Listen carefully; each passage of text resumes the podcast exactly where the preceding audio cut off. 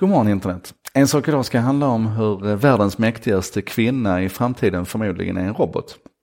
Eller en robotavatar rättare sagt och dessutom skapad av ingen mindre än Isabella Lövengrip. Som jag nu hoppas att vi kan sluta sig vanligen känd som Blondinbella, för det är hon ju verkligen inte. Hon är ju en otrolig affärskvinna idag under sitt alldeles egna varumärke. Tillsammans med Pingis Hadenius så skördar hon verkligen enorma framgångar och det är så välförtjänt, för hon är en av de hårdast arbetande människor som jag känner. Isabella var med i Break It Dailys höstlovsspecial och berättade där igen om att hennes målsättning är att hon ska bli världens mäktigaste kvinna. Tycker jag är helt rimligt. Är det någon som kan så är det hon. Eh, möjligen med, med, reservationen att jag tror hon kommer att bli i så fall världens mäktigaste människa för att hon är, eh, ja, never mind, hon är kraftfull. Och frågan är då hur ska man göra det här? För man kan ju inte sitta i Sverige och, och driva ett sånt här imperium bara, utan det här måste ju naturligtvis skala till hela världen. Och hennes skönhetsvarumärke håller ju på att göra stora framgångar i USA nu. Jättespännande. Det är otroligt inspirerande att följa Isabella. Eh, men för att skala till hela världen så behövs det någonting annat än Isabella. Man, hon behöver klona sig helt enkelt. Och sättet som hon tänker klona sig på det är helt enkelt att jobba med en, eh, en, en robot och en, en avatar. Alltså, hon säger så här att jag har 13 års erfarenhet och data nu av vad som funkar och vad som inte funkar. Om jag kan paketera in det i en, i en smart databas, lägga lite artificiell intelligens på det, kombinera det med, med det vi kan lära om specifika kulturer. Hon nämner att en frukost i Sverige ser helt annorlunda ut än en frukost i Japan till exempel. Så kommer hon att kunna klona sig själv. Och det som jag då, det som snurrar igång hos mig då, för det där hade jag ju hört innan, men det som snurrar igång hos mig då det är att när man tittar på den här tekniken, hur otroligt avancerad den har kommit att bli. Och väldigt mycket av det har ju handlat om deepfakes, alltså hur det finns programvaror som idag förvisso ganska taffligt, men vi kan ana potentialen, med både röst och video kan, kan framstå som eh, Donald Trump eller Obama eller eh, Olof Palme om du så vill. Alltså du sätter dig ner och skriptar helt enkelt och sen så låter du den här eh, eh personan datorgenereras och Eh, de, man kommer ganska nära idag. Men det händer så mycket mer på det här området. Och då fanns det en artikel i ink.com, en publikation som jag kan rekommendera er att läsa, enc.com.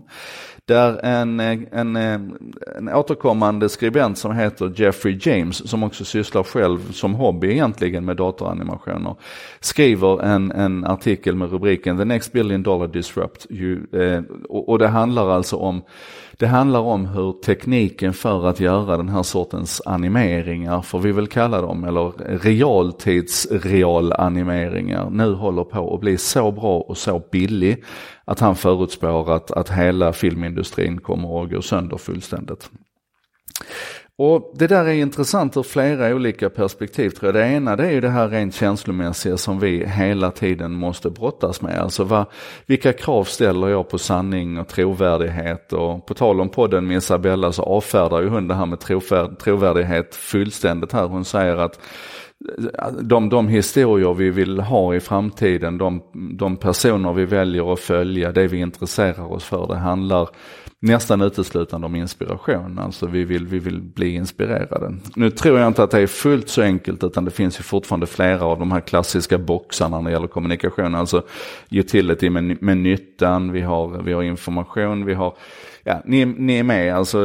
Eh, men på alla de här områdena egentligen så kan vi utmanas av det faktum att, att relativt snart så behöver jag inte rent fysiskt sitta här och, och prata mer utan det kan lika gärna vara en, en, avatar som gör det. Som är helt människoliknande, som pratar på ditt språk, som vi kan dra det hela vägen ner till individualisering. När vi kan generera det här i realtid med full hastighet så finns det ingen anledning att inte jag ska prata med dig specifikt på ditt språk. Inte bara, det, det talar, alltså, inte bara ditt modersmål utan också dina, dina ord, dina, att anpassa det jag säger efter ditt ordförråd och så vidare. Och, och, om den första aspekten var att vi måste förhålla oss till hur vi tar emot det här och hur vi liksom accepterar den här utvecklingen. Så är ju den andra aspekten hur producerar vi?